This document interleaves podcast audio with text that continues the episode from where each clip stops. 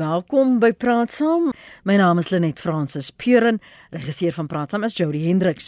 Die regering gaan sowat 50 miljoen rand skenk aan Kubane wie se voedselsekerheid bedreig word weens sanksies wat die Verenigde State van Amerika teen die land ingestel het. Die adjunkminister van internasionale betrekkinge en samewerking, Alwin Botha, sê die ingryping deur die Suid-Afrikaanse regering is genoodsaak deur die uitdagings wat Kubane in die gesig staar. Nou is daar baie Suid-Afrikaners wat vra, "Hæ? En wat van ons?" Wat vanoggend op praat saam bespreek ons Suid-Afrika se bande met Kuba, die geskiedenis tussen die twee lande en wie die meeste voordeel trek weens hierdie vennootskap. Vanoggend is ons gaste Dr. Oscar van Heerden.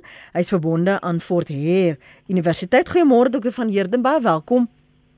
Goeiemôre Lenet en goeiemôre aan die luisteraars. Welkom ook aan Jaco Kleinhans. Hy's by buitelandse skakeling by Solidariteit. Môre Jaco, welkom aan jou. Ja, goeiemôre Lenet, lekker om met jou en die luisteraars te gesels. Dankie vir albei van julle se beskikbaarheid. Kom ons praat eers oor die verhouding voor 94 en wat die gevolg was toe ons um, ons demokrasie gekry het en van daar af beweeg het. Jaco voor 94 onder die nasionale party regering was daar nie baie sterk diplomatisiese bande tussen Suid-Afrika en Kuba nie. Uh, hoekom het dit na 94 so prominent begin word?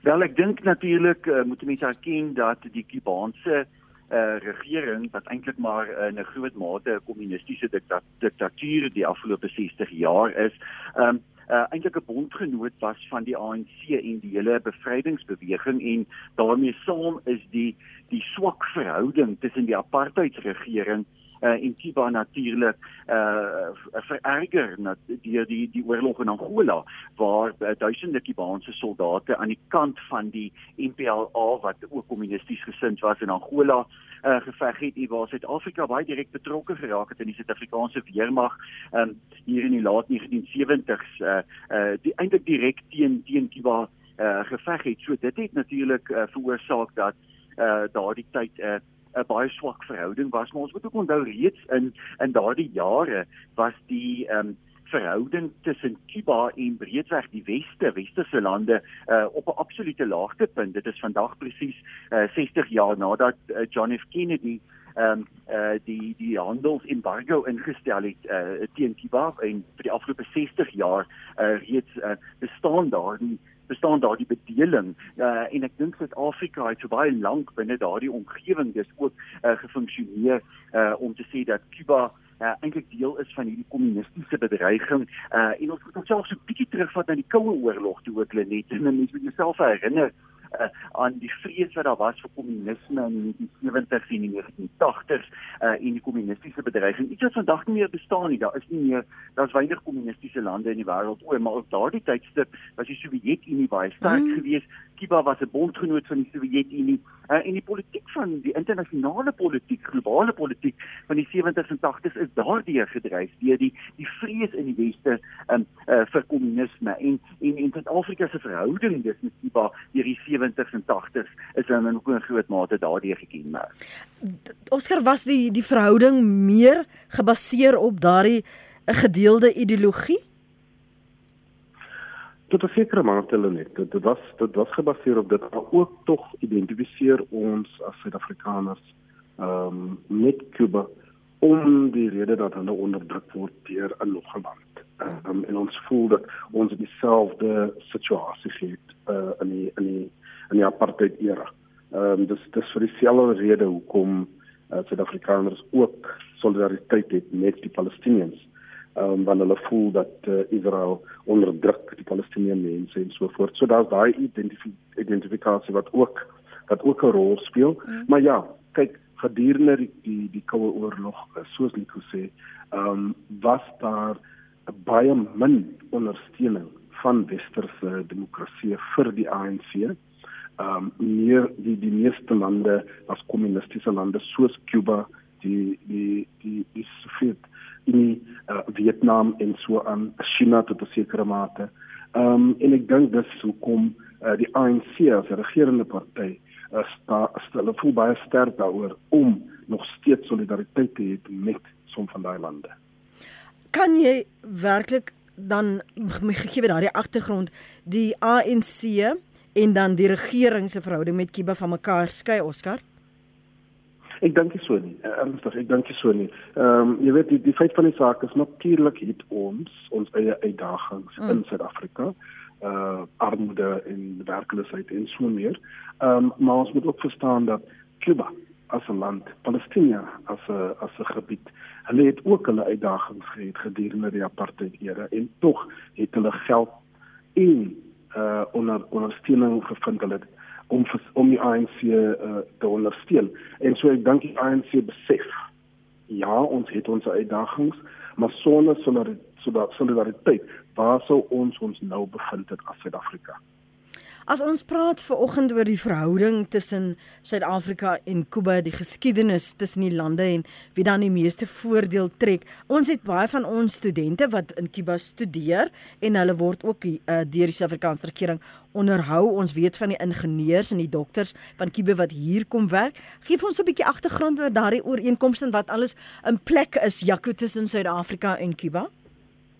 Ja, uh, Lenet dit dateer eintlik hele terug teen 1996, uh toe die Suid-Afrikaanse regering uh oor inkomste gesluit het met Kuba waar volgens hulle sogenaamde tegniese uitruil sou bevorder. Nou uh jy jy heeltemal korrek gesê dat dit fokus veral op uh, die mediese uh, terrein. Ons het gesien uh, hierso so tussen 1996 en 2002 dat 450 Kubaanse dokters uh, in Suid-Afrika kom diens doen het. Ons het so onlangs soos April uh 2021 gesien dat daar uh ingenieurs gedring 24 Kubaanse ingenieurs om aan Suid-Afrika se water infrastruktuur te werk. Dan was daar natuurlik ook uh militêre betrokkenheid en sekere kontrakte wat die Suid-Afrikaanse weermag al toegeken het aan Kuba. Nou, um, ek dink um, ons moet baie eerlik met mekaar hieroor wees dat hierdie um uh eenvoudig uh die afgelope uh 20 25 jaar 'n skema is waar volgens Kuba en die Kubaanse uh regering geweldige uh voordeel trek en en ehm um, waar ek weet Afrika weinig uh voordeel geniet het om die waarheid te sê Suid-Afrika ehm um, het die vaardighede. Ons het dokters ons het ingenieurs oorgenoeg wat ons waternetwerke uh, kan herstel. Om die waarheid te sê ons probleem is eerder dat ons voortdurend vaardighede verloor um, en dat meer en meer uh, wit, bruin, swart Indiërs, Suid-Afrikaners ongelukkig immigreer. Dat ons dokters en verpleegsters en ingenieurs na die buiteland immigreer. Wat gebeur byvoorbeeld wanneer Kubaanse dokters uh, in Suid-Afrika kom werk, soos die dokters hier uh, rondom die wisseling van die eeu en eintlik ook nou tydens die COVID-pandemie waar daar weer Kubaanse dokters na Suid-Afrika gestuur is. Daardie dokters um, word nie deur die Suid-Afrikaanse regering betaal nie. Die Suid-Afrikaanse regering betaal die Kubaanse diktatuur ehm um, uh, vir hierdie dienste en daardie dokters ontvang regtig um, klein geld van die Kubaanse regering. Hulle leef in ongelooflike moeilike omstandighede. So dit is die Kubaanse regering wat absoluut die voordeel trek uit hierdie ooreenkomste. Um, en en ek dink Suid-Afrika is absoluut die verloorder op hierdie terrein. Of ons nou um, 50 miljoen rand um, tans skenk uh, omdat daar en jy is heeltemal reg, daar's voedseltekorte tans in Kuba of ons 50 miljoen nou skenk of 2 jaar gelede uh, die weermag meer as 200 miljoen rand se medikasie aangekoop het van Kuba of wat ook al anders. Ek dink Suid-Afrikaners verloor. Ek dink ons moet ons eie vaardighede gebruik en ons moet die geld vir ons self gebruik. Natuurlik moet ons simpatie hê um, met met die swaar kry in Kuba. Daar's geweldige geweldige swaar kry in Kuba, maar die swaar kry in Kuba um, uh, het te doen met twee kwessies met die optrede van die huidige regering in Kuba en dan natuurlik met die huidige handelsboikot uh, en die isolasie uh, van Kuba. En en dit is sake wat op ander terreine hanteer kan word, maar die eenvoudig 50 miljoen rand um, uit ons regering uh, te skenk aan Kuba is nie 'n oplossing nie. Suid-Afrika gaan leen eintlik daar geld. Ons weet Suid-Afrika is besig op die oomblik om geld te leen by die Wêreldbank. So ons leen eintlik geld in die buiteland om aan Kuba te gaan skenk uh, sodat daar vir hulle mense kos gekoop kan word. Ek dink eenvoudig nie dit is die oplossing vir hierdie probleem. Die probleem in Kuba is veel groter as dit.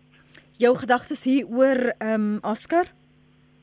Ja, nee, kyk, ek dink ek dink dis dis 'n uh, dis 'n uh, druppel in die oseaan natuurlik in terme van 'n 50 miljoen rand uh ondersteuning, maar ek dink tog die Suid-Afrikaanse regering het oor die jare ook begin om die groter prentjie aan te spreek.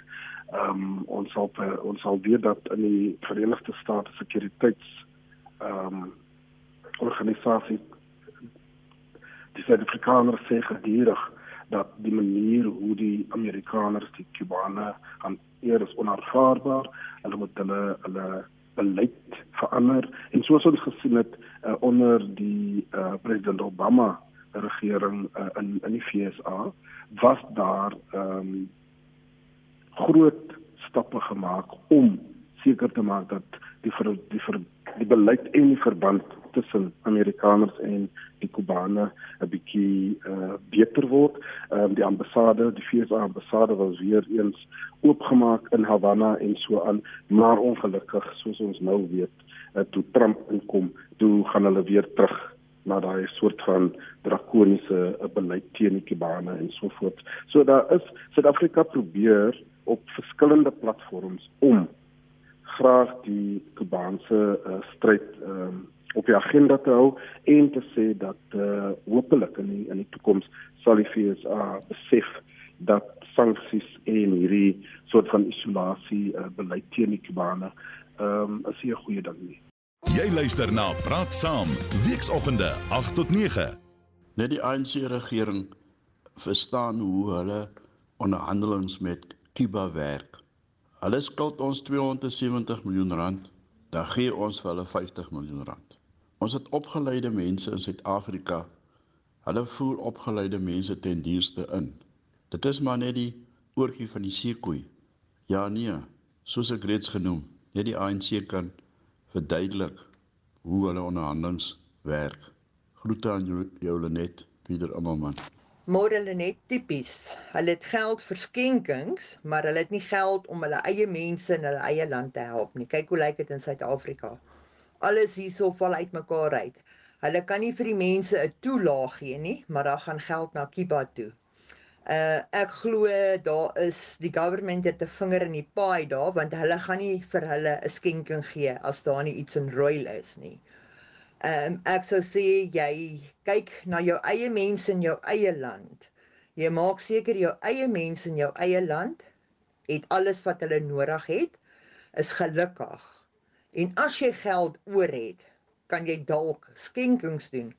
Ons hoor elke dag, hier's nie geld vir dit nie, hier's nie geld vir dit nie. Hulle het nie geld om die paaie nie, hier's nie geld vir brood nie, hier's nie geld vir skole nie. Maar daar's geld vir Kiba. Maar anyway, hulle moet maar die geld mors soos wat hulle kan want dit is mos 'n goudmyn hier in Suid-Afrika.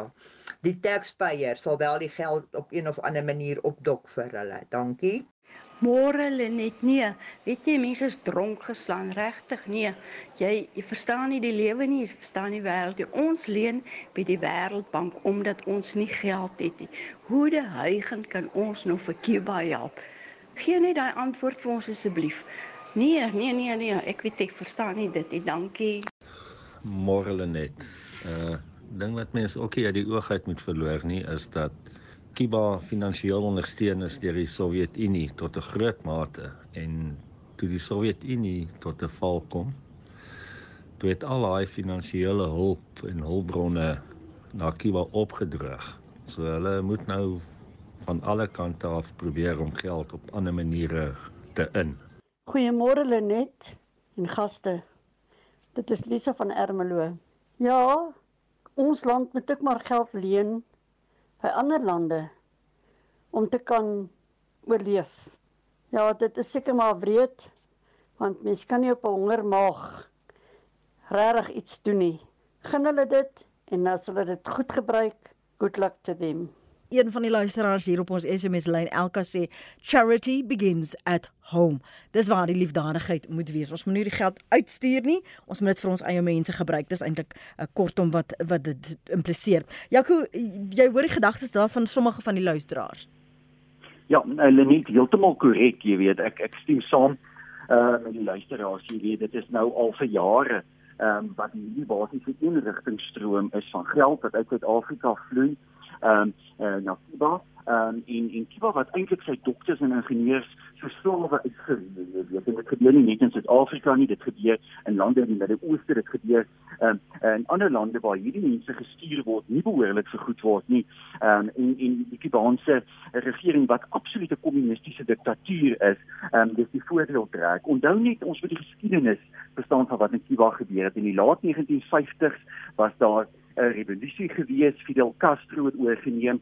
Ehm uh, uh as uh, 'n kommunistiese bewind daar gestel in Kuba en oor die afgelope 60 jaar uh was daar geen vryheid in in Kuba gewees nie. Dit is hoekom 10% van Kubane tans in Florida in Amerika woon. Gaan vra vir enige Kubaan wat in Amerika woon wat gevlug het uh, na Amerika wat die omstandighede in Kuba is. Verlede donderdag het 10 mense met 'n klein bootjie weer die 200 km probeer oorsteek van Kuba uh, na die VS. Hulle is deur Amerikaanse uh, vloot gered. Dit gebeur weekliks. Mense ja. vlug uit Kuba uit omdat daar nie vrye regte is nie, daar nie demokratiese regte is nie, daar nie vrye media is nie. Verlede jaar in Julie was daar opstande gewees in Kuba. 790 mense um, is in hegtenis geneem. Dit was vreedsame opstande gewees. Party van hulle is tieners van 12 en 13 jaar oud. Hulle word tans nog in haglike omstandighede um, uh, gevange geneem. So ek ek is uit ongelukkig geen simpatie met met hierdie bedeling wat mense in Kuba het nie, want hulle onderdruk hulle mense, hulle onderdruk vryheid van spraak. Um, en ek dink dit is ook waarteen 'n mens jouself moet uitspreek. Is, is dit waarop dit neerkom dat dit on, onderdrukking is, Oscar? Ek dink dit is wel meer as onderdrukking. Ek dink daar was 'n element van dit net ek uh, met die verskil met Nico. Daar was 'n element van dit vir jare, maar ek dink tog die rede hoekom baie van uh, Kubane deesdae uh, in die laaste 10 jaar of so probeer om uh, na Amerika toe te vlug, is nie so meer onderdrukking nie. Dis meer 'n kwessie van armoede, uh, ekonomiese refugees mm. en so voort. Wat ons ook sien tog met uh, uh, ander Afrikaners hier in Afrika en hoe hulle Suid-Afrika toe kom om te kom kyk of hulle beter uh, uh, opportunities kan kry die kant. Jaco het vroeër gesê die situasie waarin Kiba hulle bevind Oscar het te doen met die optrede van die regering. Ja, kyk, die feit van die saak is en ek Jaco het dit genoem, daar was 'n stryd, daar was 'n revolusie. Ehm um, die leierskap van Kuba voor Castro uh uh in Che Guevara en die smeerse revolusie. Dit was glad nie 'n bastion van regte en menseregte nie. Die situasie was maar bra bra uh swak in Cuba en dis die rede hoekom daar populêre revolusie plaasgevind het om daai onderdrukking um uit op te slaan. So met ander woorde, die mense besluit hulle wil hulle eie toekoms uh um vasstel en dis hoekom hulle besluit het op daai stadium gegee die ideologiese uh raamwerk in die wêreld hulle wil kommuniste wees hulle wil graag hê die land moet aan ander ander almal be, be, behoort um, en so en so voort. Dis nie noodwendig 'n stelsel wat werk nie. Uh, dit het jare gevat om om te sien dat uh, in die Sovjet-Unie en, en en so voort dat dit in mekaar getuimel het. Um, en natuurlik is daar nodigheid vir verandering in Cuba. Ek dink die streef wat daar is. So ek dink baie baie keer mense uh die Amerikaners en anders aan die begin was dit omdat baie mense Kubane nie saamgestem het met die kommunistiese stelsel en dis hoekom hulle uh, Amerika en Florida toe gevlug het en so voort. Maar ek dink uh, in in in huidige jare is dit meer 'n ekonomiese element in terme van wegkom van armoede en dis meer. Ehm um, en ek wil tog ook net sê hulle net jy weet daar's mense wat uh, inskakel en sê ehm um, ons het ons eie uitdagings, ons maak nou lenings by die by die Wêreldbank en dis meer. Maar tog wil ek sê jy weet ons het 'n verantwoordelikheid as uh, as 'n land hier in Afrika en en en verder. Ehm um, jy weet as ons praat van die vloede in Mosambiek gegee word die feit dat ons uitdagings het, moet ons nou sê ons kan nie die Mosambieke mense gaan help nie uh, wanneer hulle groot vloede het en daar ook net uh, wan hierdie orde en dis meer. Ehm um, die militêre help wat ons doen in Afrika. Ehm um, in die DRC uh in die sentrale Afrika Republiek en so aan en in ander plekke waar ons ook besig is met uh, allerlei tipe werk uh in die Afrika Unie. So ek dink tog ek dink mense moet besef dat ons het 'n verantwoordelikheid al het ons ons eie uitdagings want solidariteit is baie baie belangrik. Mm. Jaco, jy wou net ou begin? Ek het gehoor. Ja, nee, nee ek ek dink ek ek dink dit belangrik is. Ek wil net weer verwys na die eh uh, Kubane wat natuurlik eh uh, ehm um, probeer om teen alle koste, jy weet, die land te verlaat. Jy weet en om net werklik waar die omstandighede eh uh, van Kubane te verstaan. Hoeveel Kubane is byvoorbeeld afhanklik van geld wat hulle maandeliks uit Amerika ontvang van familielede uh, wat dit nou hulle stuur. Soos ek gesê het, daar bly 1.4 miljoen Kubane in Florida. Verlede week is daar 'n peiling gedoen uh, onder Kubane in Florida wat wys dat 66% van hulle sê dat die huidige uh, bedeling um, nie verander moet word nie dat die Amerikaners dit nie moet doen nie want wat het eintlik gebeur in terme van Amerikaanse beleid die afgelope tyd. Um, onthou dit was 'n demokratiese president John F Kennedy wat vandag presies 60 jaar gelede uh, hierdie handelsembargo ingestel het teen Kuba waarvan ons geen Kubaanse of Amerikaanse maatskappye in Kuba mag sake doen en dit was nadat miljarde um, uh, Amerikaanse dollars se bates um, deur die kommunistiese regering in Kuba um, eenvoudig genasionaliseer is. So daar was daar was 'n motief daaromtrent gewees en oor die dekades heen um, het beide demokrate en republikeine in 'n groot mate hierdie bedeling in stand gehou om te sê ons moet druk plaas sodat daar demokratisering kan plaasvind sodat daar as daar ten minste 'n vrye media is en oppositie toegelaat word en mense hulle self kan uitspreek teen die bedeling dan kan daar 'n verandering aan hierdie bedeling wees. En die eerste president wat dit probeer het was Barack Obama. Uh, Barack Obama wat die ambassade heropen het in Havana, die Amerikaanse ambassade wat weer uh, toegelaat het dat daar visums uitgereik word. Um, wat 'n mate van handel en investering toegelaat het en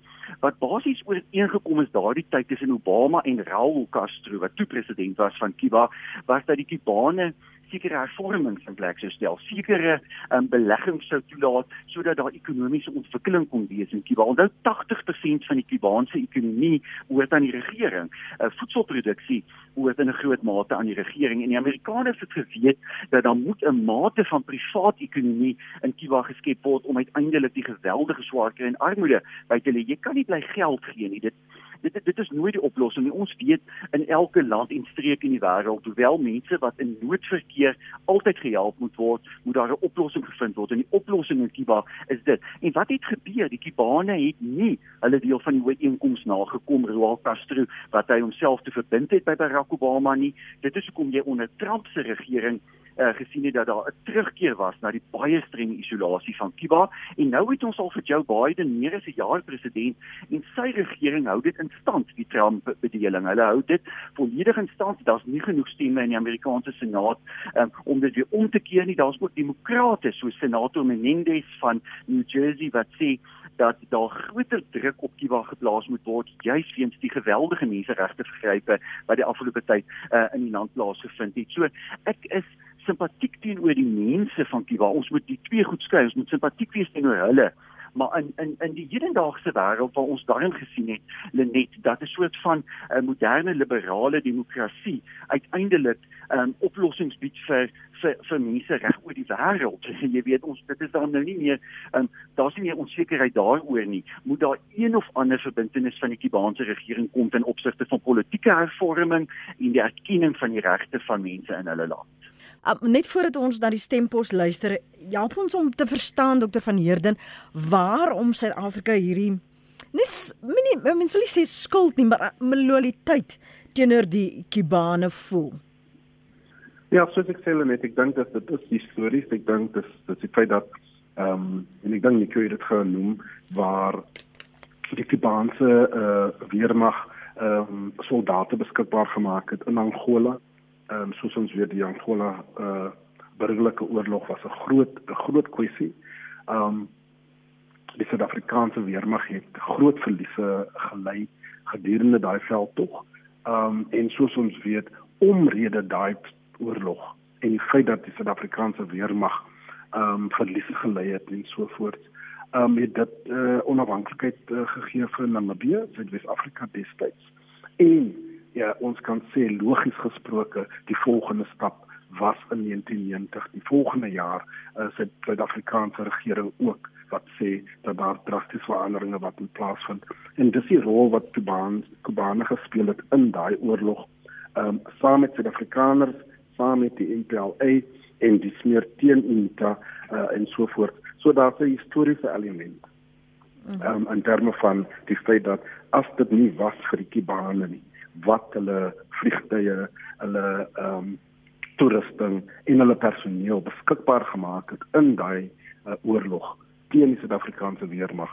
ehm um, dan dan sou ons nie noodwendig die verandering gesien het wat ons gesien het in Februarie uh, 1990 nie. Hmm. So daar's daai historiese element en natuurlik die feit dat ehm um, hulle altyd altyd in sekere platforms in die sfeer teen die Suid-Afrikaanse apartheid regering uitgepraat het. Uh, Fidel Castro soos ons al uh, sien in uh, histories gesproke het altyd lang toesprake gemaak in, in die Verenigde State. Ehm um, en so aan teen die Suid-Afrikaanse apartheid regering uh, en dis meer so daar's historiese bande uh, wat uh, die ANC en die Kubane het uh, wat hulle hulle is net bereid om dit um, uh, van kant te wys. Dink jy tog met wat ons die laaste die verwikkeling wat ons die laaste paar jaar gesien het dat Suid-Afrika waarde vir die geld kry en die beleggings wat ons maak, Oscar? Kyk, ek dink waarde vir ons geld is soos jy gesê het in terme van die ingenieurs, in terme van die mediese studente, ehm um, met al die streef wat aangaan in Cuba. Ehm um, sien ons dat dit 'n klein eiland wat eintlik groot uh stappe maak in terme van mediese navorsing 'n mediese uh universiteite en dis meer as baie goed. Ehm um, jy weet, so ons kry daai tipe van ehm um, terugvoering wat ons wat ons sien. Ehm um, aan die aan dieselfde tyd so jy weet in, in terme van solidariteit is dit altyd in terme van die groter prentjie. Ehm um, hoe kan ons seker maak dat die houding van die FSA teenoor Cuba verander. Want ek dink tog ek hoor wat Nico sê in terme van die Republikeine en die Demokrate en dis meer, maar ek dink of tot 'n groot mate is dit 'n groot polisie ehm um, wat voel hulle wil 'n eiland forceer om dinge te doen soos hulle dit wil doen. Ehm um, ons weet almal as ons kyk na huidige moderne kapitalisme in talle lande Afrika en uh, Latin uh, Latin Amerika en so aan. Ehm um, beteken dit dat die situasie so verbeter in Cuba as hulle nou 'n westerse liberale stelsel gaan aanvaar nie. Ehm um, so jy weet ek dink daar's trots vir die Amerikaners. Hulle het een of twee keer al probeer om die regering van Fidel Castro uh te te vernietig en hulle het ge, hulle het gefaal in daai in daai ding. Ehm um, en ek dink daar is 'n element waar hulle ook net sê uh, ons sal nie toelaat dat 'n eiland soos Cuba vir ons gaan wys dat hulle nie gaan verander nie. En dis hoekom hulle nog steeds daarop aandring om sanksies en en so aan isolering en dis meer te doen. Aan die in die 60 en 70e jare was Cuba 'n 'n direkte dreigement vir die VSA in terme van kernkrag. Die Sowjetunie soos ons weet, wou kernwapens uh, op die eiland geplaas het en so aan. So ons verstaan dit. Maar dis daar is daar geensins 'n rede hoekom Cuba nog steeds geïsoleer moet word of daar sanksies teen hulle moet wees nie. Kom ons hoor wat ons luisteraars sê hier op ons stempos en dan gaan uh, Jaco daarop reageer. Môre Lenet en gaste, Virkie van Jimiston. Ja, as ek nou so luister. Ey, ja, nee, kyk. Dan skud ek maar net my kop. 50 miljoen is baie geld, né? Nee? Dis nou nie klein geld nie. Nou vra ek myself, wat het Suid-Afrika nou met Cuba uit te waai? Dit lyk vir my die die regerende party doen te veel besigheid met Cuba en nou werk dit nou maar so een hand was die ander handjie. Een maand een, een maatjie help 'n ander maatjie. Ja, dit dit lyk vir my so en dit lyk vir my dit gaan net dieper en dieper daai handjie handjie was besigheid. 50 miljoen. Ja, ek dink Eskom kan sekerlik maar met 50 miljoen doen, nê. Nee. Dat eh uh, Eskom 'n bietjie reggemaak kan word want sonder krag in Suid-Afrika, wat gaan mense doen, nê? Nee. Ek dink 50 daai 50 miljoen moenie gaan vir 'n kibane nie. Skenk dit eerder aan Eskom sodat hulle Eskom op die bene kan probeer kry. Baie dankie, lekker dag vir julle. Goeiemôre Lenet. Dis maar net 'n opinie wat ek wil lig dat ek nie saamstem met een van die besprekers nie. Die ANC was vreeslik met geld toegegooi voor die aparte in gedurende die aparte jare. Ek onthou dat daar selfs spreuke was dat die mense nie ABBA plate hier wil koop nie, want die ABBA mense het 'n persentasie van opbrengse aan die ANC vryheidsvegters gegee en dit was dieselfde tot en met die verkiesing. Ek kon nie eers enigiets gekoop het van Kodak nie, want hulle het vir die ANC ondersteun en my geweier omdat ek 'n blanke Suid-Afrikaner was. Ek wil net sê die ANC het groot groot baie groot finansiële en ondersteuning gekry van die westerse lande, Engeland, Amerika en selfs die ander lande. Veral natuurlik nou die skandinawiese lande. Goeiemôre RSG. Fred hier. Baie dankie vir die program Lenet. Ek dink die Afrikaanse regering moet hulle verbande breek met uh Kiba. Hulle is van geen waarde nie. En as hulle dokters hier kom, ken hulle niks. My ma is dood in die hand van 'n Kibaanse dokter. Dis al wat ek wil sê. Baie dankie. Ja, ek weet nie veel van die verhouding tussen Suid-Afrika en Kiba nie, maar een ding wat ek wel weet, 'n neef van my moes 'n noodoperasie aan sy hand ondergaan en hy is deur 'n Kibaanse dokter behandel. En ja, tot vandag toe kan hy twee van sy vingers nie gebruik nie. Annelie van Vereniging. Paul, dankie vir jou geduld. Goeiemôre. Goeiemôre Lenet, goeiemôre gaste, jy weet. Dis my as jy nou uh, is eintlik van baie snaaks die beheptheid wat die ANC met die met Kiba die jy vat die oorlog in Angola het gegaan dat die uh, daai slag was koue oorlog die kommuniste wou die hele wêreld oorgeneem het en dit was meer 'n stryd om Angola uh, want die Amerikaners het eintlik ons van die begin ged, uh, aangemoedig gedwing gesê ons moet uh, help om uh, Angola uh uit die kommuniste hand te hou. En dan as jy nou vat Ysma Gesule wat die voormalige sekretaris-generaal was, sekretaris-generaal van die ANC wat gesê ons moet Kiba as 'n voorbeeld vir. Kiba is 'n armoedige land waar met ons aploeg. Jy weet en maar die, die, die groot hele en dan jy ek dink dit was Lezini Sulu toe hulle inslag gekom het, uh, dink toe die Messine kamp sou gestuur, uh, die Vliegtuig land het sy amper die Kibane uh, voor gekniel gesoen.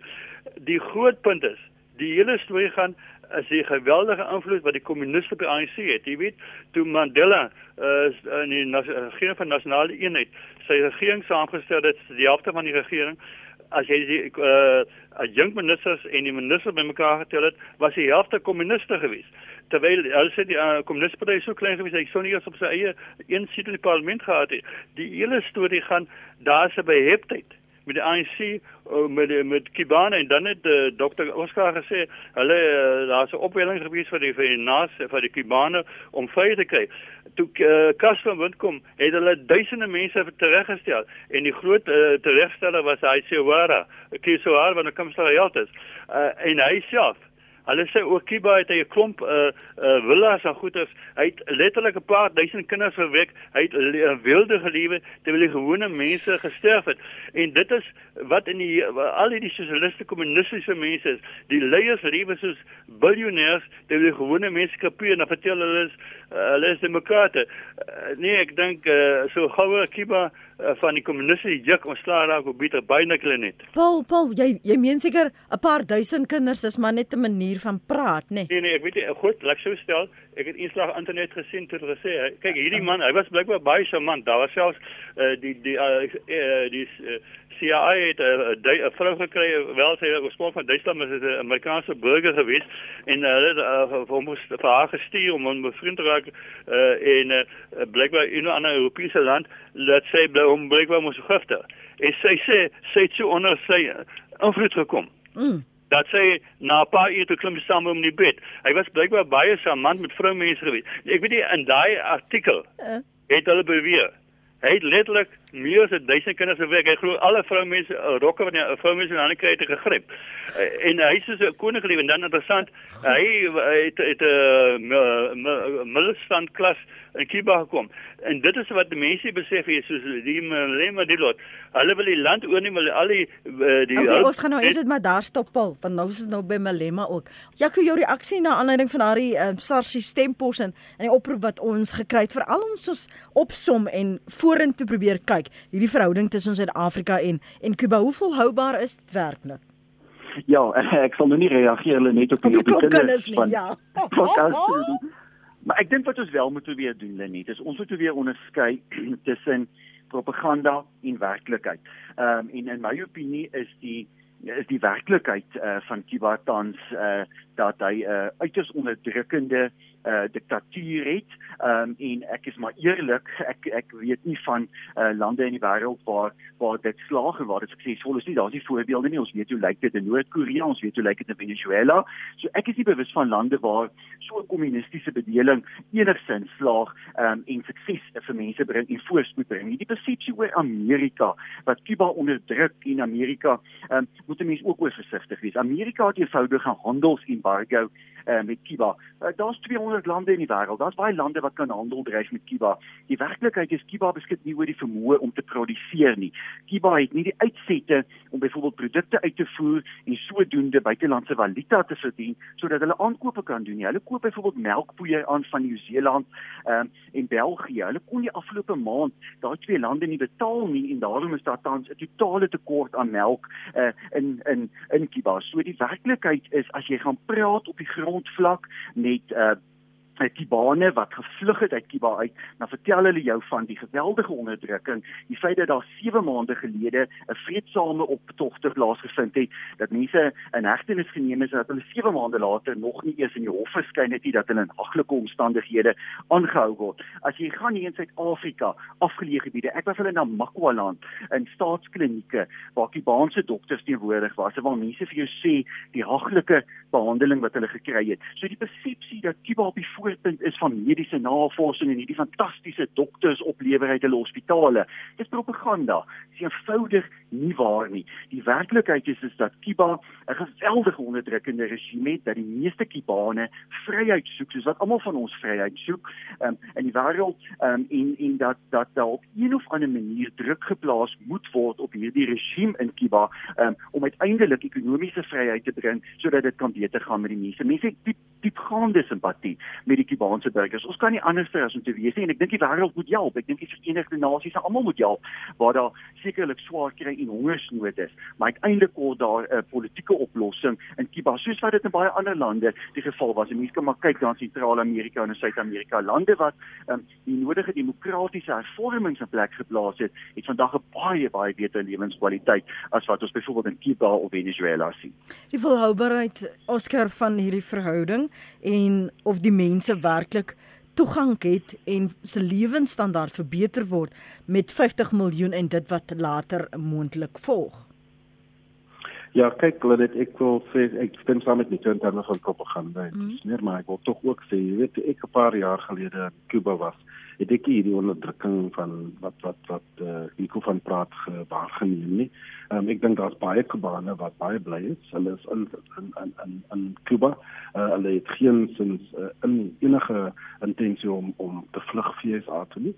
Ehm um, hulle hulle weet dat daar veranderinge wat in plaasvind in Kuba ehm um, hulle weet dat daar's uh, demokratiese praktyke wat moet moet in in beginsels wat moet gebeur in Kuba, maar ek dink tog uh, die eerste stap in etiese leierskap is dat daar solidariteit met ander moet wees. Ek dink ons het 'n geskiedenis in Suid-Afrika wat sê dat waar ons sien menseregte ehm um, en onderdrukking van ander plaasvind, onetiese hantering van mense en dis meer. In ander woorde verkeerde dinge wat plaasvind, moet ons dit beveg ehm um, dis presies die situasie die, veld tog in situasie wat ons onsself in bevind het onder uh, die apartheidstelsel. En um, baie gene en die Kubane is een van hulle het ons het ons ondersteun in daai tyd. En ek dink dat uh, ons moet so dat dit ons moet trots wees oor die feit dat ons 'n solidariteitsbeginsel het wat sê dat ons wil graag help ehm um, wanneer mense onderdruk word of wanneer mense probleme het. Ehm um, en dis wat ek sien wat gebeur tussen Suid-Afrika en Kuba Dankie dokter Oscar van Heerden, hy's verbonde aan Fort Hare Universiteit. Dankie ook vir jou gedagtes en beskikbaarheid vanoggend Jaco Kleinans. Hy is by buitelandse skakeling by Solidariteit.